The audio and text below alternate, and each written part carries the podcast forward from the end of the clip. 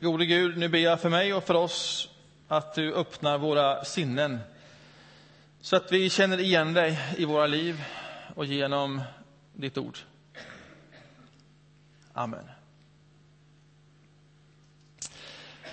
Min tonårsperiod upp, upp, växte jag upp ute på Öckerö i Göteborgs norra skärgård. Några år där.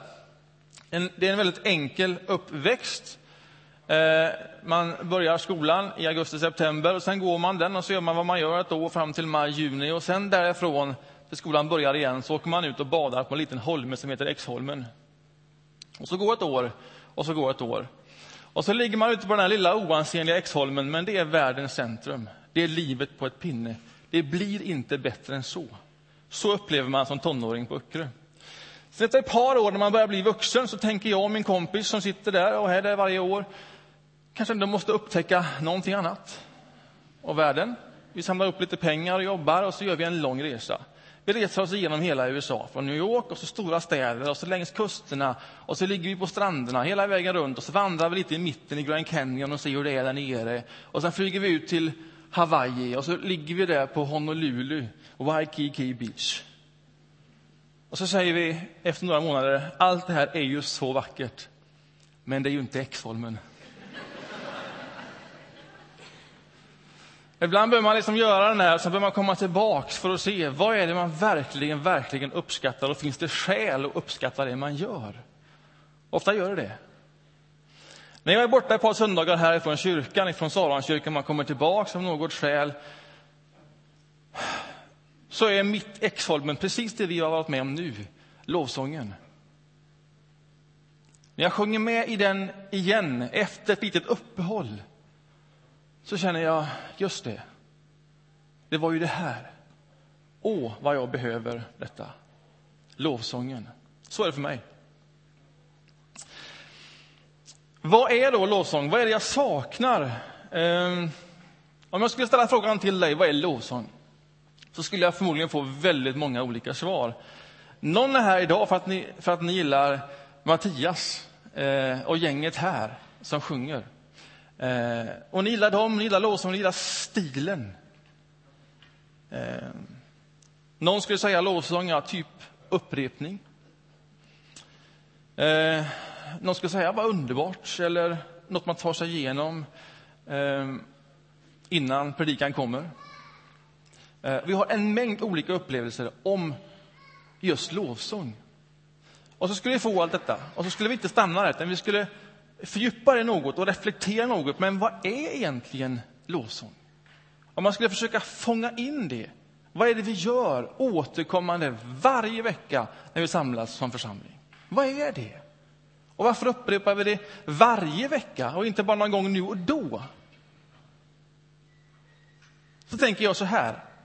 Lovsång för mig, det uttrycker en livshållning. Ja, det är mer än så, för det är lite för passivt.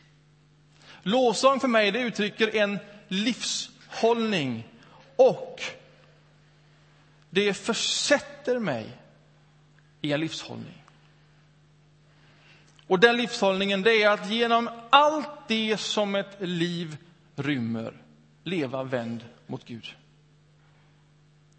Det är lovsång.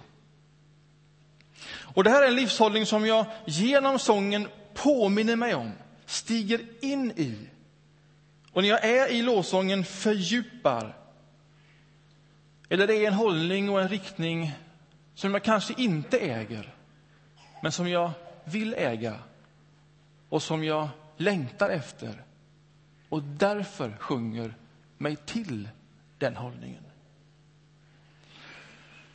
Och jag tror vi är eh, skapade för den livsriktningen, för den rörelsen, att leva vänd mot Gud oavsett vad som än händer. Men att det gått förlorat. Att det inte längre är intuitivt och självklart. Att det är hela tiden riktningen när livet omkring och omständigheterna omkring blir allt för svåra att härbärgera. Då finns det så mycket andra vägar att vända sig åt. Att man behöver påminna sig igen. Vad är min livshållning? Vad är min livsriktning? Jag behöver påminna mig om det och jag kan återfå det genom aktiva val. Och lovsång, det är ett sånt aktivt val. En fantastisk möjlighet att vinna min riktning på nytt. Och en av lovsångens hemligheter det är ju att man uttrycker den här viljan, den här fördjupningen. Man uttrycker det inte bara med en tanke, utan man uttrycker det med hela kroppen som resonanslåda. Allt är med och sjunger. Och det finns en styrka i det.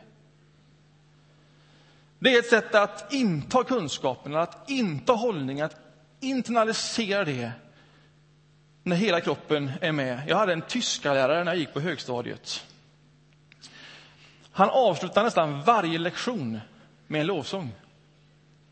Lovsång kanske mycket, jo lovsång, det var den känslan vi hade. så va? När vi hade gått igenom alla grammatik och allt vad det nu var, så va? då drog han på det här bandet, du vet så. Kom den ut på det så va? Så, och sen kom det upp på rätt hastighet. Och sen sjöng vi med till det här bandet i kör, hela klassen. Aus aus bei gegenüber, mit nach Zeit von Su. Aushauser bei gegenüber, mit nach Zeit von Sur. Alltså tyska prepositioner. Och det sitter som ett spett hos mig fortfarande. Jag tror det är det enda jag kan idag. Men det kan jag. Det finns någonting jag kan. Dyrch für gegen ohne um. Ja, ni vet va? Det är andra prepositioner. Alltså det finns en hemlighet. Att bara få sjunga sig till en livshållning. Att låta hela kroppen vara med och inte bara tänka någonting. Det är ett sätt att internalisera kunskap. Och det är inte konstigt att Saltaren, eh, Bibelns stora lovsångsbok, sångbok, bönebok, att det är den i särklass längsta boken i Bibeln. Det bör vara så. Vi behöver sjunga. Vi behöver påminna oss genom att sjunga. Vi behöver längta genom att sjunga. Jag tror inte det är nog att bara tänka och tala. Vi behöver mer uttryck för att verkligen få det i kroppen.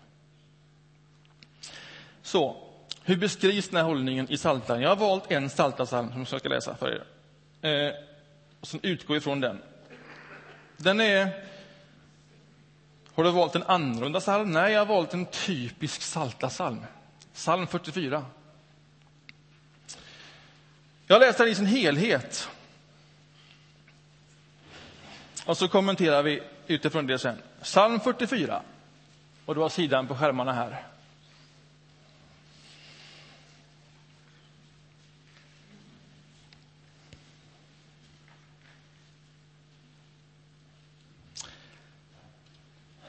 Vi har hört, o Gud, våra fäder har berättat för oss om dina gärningar på deras tid, dina dåd i forna dagar.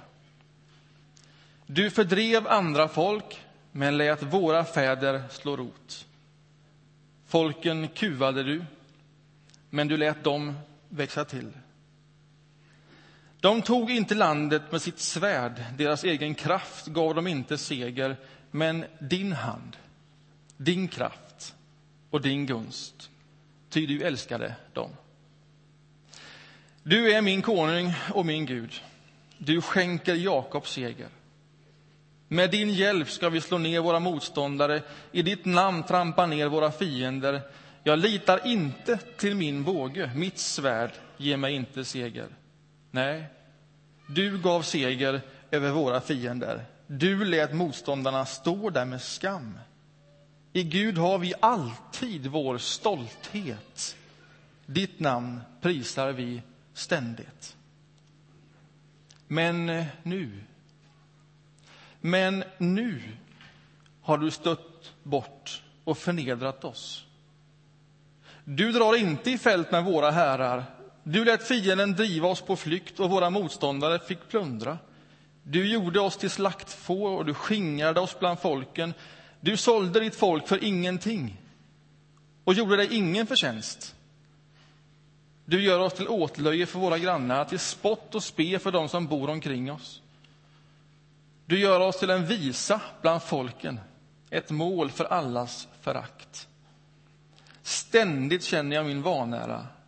Jag måste rodna av skam. När jag hör dem som smädar och hånar, när jag ser fienden som vill hämnas. Vi utsätts för detta, fast vi inte glömt dig. Fast vi inte svikit förbundet med dig. Vårt hjärta har inte vänt sig från dig. Nej, nej, nej. Våra steg har inte vikit från din väg. Men du, du har krossat oss som du krossade draken och höjt oss i djupaste mörker. Jag menar, om vi hade glömt vår Gud och sträckt våra händer mot en avgud, skulle då inte Gud ha märkt det? Han som vet vad som göms i våra hjärtan. Det är din skuld att vi ständigt dödas, att vi räknas som slaktfår. Vakna! Varför sover du, Herre? Res dig! Stöt inte bort oss för alltid. Varför döljer du ditt ansikte och gömmer vår nöd och plåga? Vi har sjunkit ner i gruset. Vi ligger tryckta mot marken. Grip in. Kom till vår hjälp. Befria oss, du som är god. Det här är ingen ovanlig psalm. Det finns oändliga variationer på exakt detta temat. Exakt så här balanseras hela denna Bibelns största sångskatt, bönbok, lovsångskapitel. Först säger man, ibland säger man först, ibland säger man sist, men man säger vi har hört. Vi har hört hur det var. Åh! Inte i egen kraft, utan genom din hand. Du tog dem genom havet, du tog dem dit och du tog dem dit och du gav dem att äta. Och... Därför, därför är du min Gud. Därför är du min konung. Därför prisar jag dig ständigt. Men nu. Men nu. Jag menar, vi har inte vänt oss från dig. Vi har inte gått från din väg. Så vad är det här? Kom igen. Vakna. Varför sover du? Sover du? Ja, men det är uppenbart. Du sover. Vakna. Grip in. Kom till vår hjälp. Du som är god. Det är lovsång. Intressant är att Saltaren, den här texten, de här sammanställningarna av sånger och dikter, att det inte bara är sammanställt för eget privat bruk där hemma på kammaren. Utan det här är sammanställt för gemensamt bruk, för gudstjänstliv, för lovsång och bön när församlingen möts. Man eh, uttryckte tillsammans besvikelserna man upplevde som ett folk. Det rymdes i lovsången. Det gjorde man samtidigt som man intog sin historia. Samtidigt som man på nytt steg in i den och sa detta är vår berättelse, detta är vår Gud. Det är verkligen vår Gud och bekänner sig till honom och hans kapacitet samtidigt som de utgjuter sitt hjärta inför Gud. Men vad är då det här? När de sjunger lovsång, som de sjunger här, när de läser böner på det här sättet, känner de då som de sjunger? Alltså när de intar, du är vår Gud, vi prisar dig ständigt. Mm mm, mm, mm, mm. Känns det så? Nej, men känslan är ju inte sån. Utan känslan när man uttrycker de här starka lovsångsorden tycks ju vara en annan. Känslan, den är ju men nu då? Men nu då? Och kan man fortfarande sjunga en sån sång om man känner, men nu då? Eller måste man inte hålla isär det? Att genom lovsången uttrycker de en livshållning, ja, mer än så. Jag gillar ordet de intar.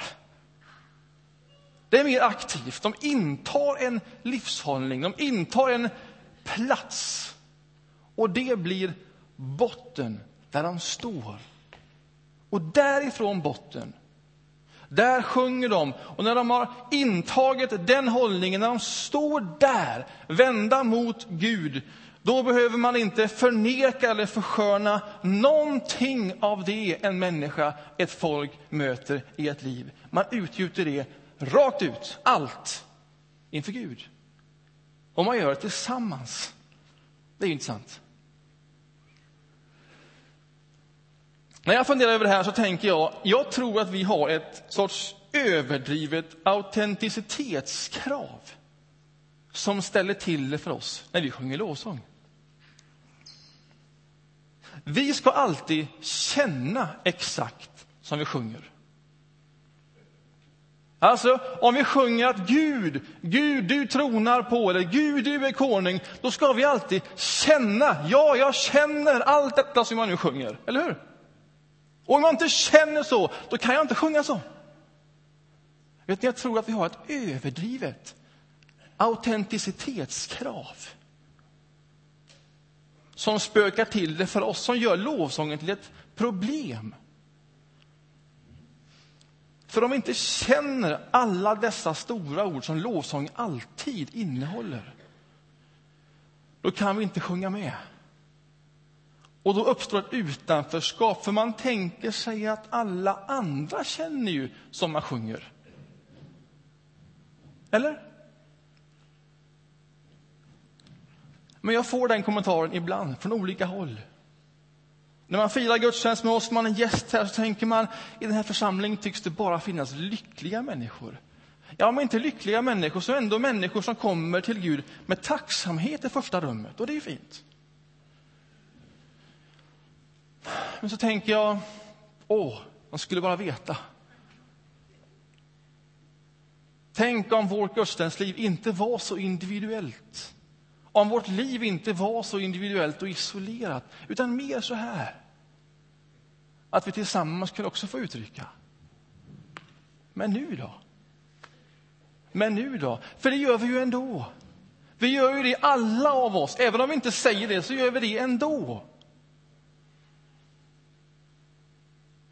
Och när jag får ett sånt mejl eller sms eller budskap om någon som säger ah, här tycks bara finnas såna här människor så skulle jag bara vilja ta med den människan och så gå runt här bland bänkarna. Du, här. Här har vi brottningsmatcher på varenda bänkrad. Här finns den som inte vet hur man ska få sin relation eller äktenskap eller någonting att gå ihop. Här finns de som har drömt om barn ett helt liv men aldrig fick barn. Här finns de som precis har fått en bostad för första gången sedan länge, länge, länge. Här finns den som inte vet om man ska få stanna här, i det här landet, eller om jag är på väg. Här finns besvikelser på livet och här finns besvikelser på Gud. På varenda bänkrad. Allt blev inte som du hade tänkt. Och när vi möts här, sjunger lovsång, när vi tänder ljus, då är det i alla de erfarenheterna. Det finns alltid ett stråk av, men nu då? Vad är det här? Det är inte så att jag har lämnat Gud. Kom igen. Kom igen. Och låt det få rymmas i din lovsång. Och även om vi inte sjunger i högt och så, vi kanske inte är mogna för det, det kanske inte känns helt okej, okay, så utgjut ditt hjärta inför Gud och vet att du är i gott sällskap. Åtminstone här.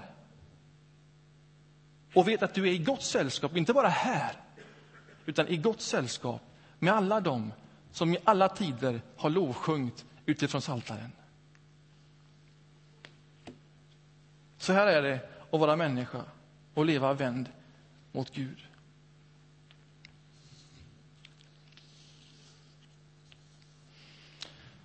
De bekände sig till den berättelse, till Gud och Guds kapacitet. De intog den hållningen. De stod där. Och där på botten, där utgöt de allt inför Gud. Vår berättelse är den om Jesus Kristus. Att han dör och att han uppstår. Till liv och försoning för alla människor. Det är en berättelse om seger över död. Allt det vi gör har sitt centrum, sin utgångspunkt i den berättelsen, i det budskapet. Detta är vårt fundament, detta är vår botten. Och det är det oavsett hur jag känner inför det. Så är det så. Det är här vi står. Detta är vår berättelse. Det är det här vi påminner oss om varenda söndag, varenda söndag, varenda söndag. Det är därför vi prisar Gud. Och då måste jag inte alltid känna det så. Det känns som om segern är för döden är vunnen. Men jag vill inta den livshållningen. Vi firar nattvard här varje vecka nu för tiden. Det har vi gjort ett par år. När vi började fira nattvard här, som är berättelsen om Jesu död och uppståndelse, så fanns det naturligtvis en oro för om det skulle tunna ut innehållet när man upprepar det varje vecka. Alltså precis som man gör med lovsång. Eh, att, att eh, det blir som slentrian, var oron. Och det kan man ju känna. Eh, för man kan ju inte känna så mycket inför nattvarden om man firar den varje söndag så upprepande. Och igen så spökar ett överdrivet autenticitetskrav hos oss. Alltså jag tror att vår känsla spelar oss ett spratt. Jag tror att nattvarden, liksom lovsången, handlar om att inta en livshållning, att rota mig i den. Om jag inte har den, så på det här sättet uttrycka min längtan efter den livshållningen. Och därför hela mitt liv vägleds utifrån Jesu döda uppståndelse. Han gav allt och han vann allt jag behöver få det i kroppen, inte bara tänka det. Få det i kroppen, sjunga det, äta det, göra det tillsammans med er så ofta som det bara är möjligt. Minst en gång i veckan, på regelbunden basis. Den hållningen den vill jag bygga in i mitt liv, och den är inte intuitiv. Jag måste återvinna den genom aktiva val. Jag firar en gudstjänst, jag tar emot bröd och vin och jag sjunger lovsång.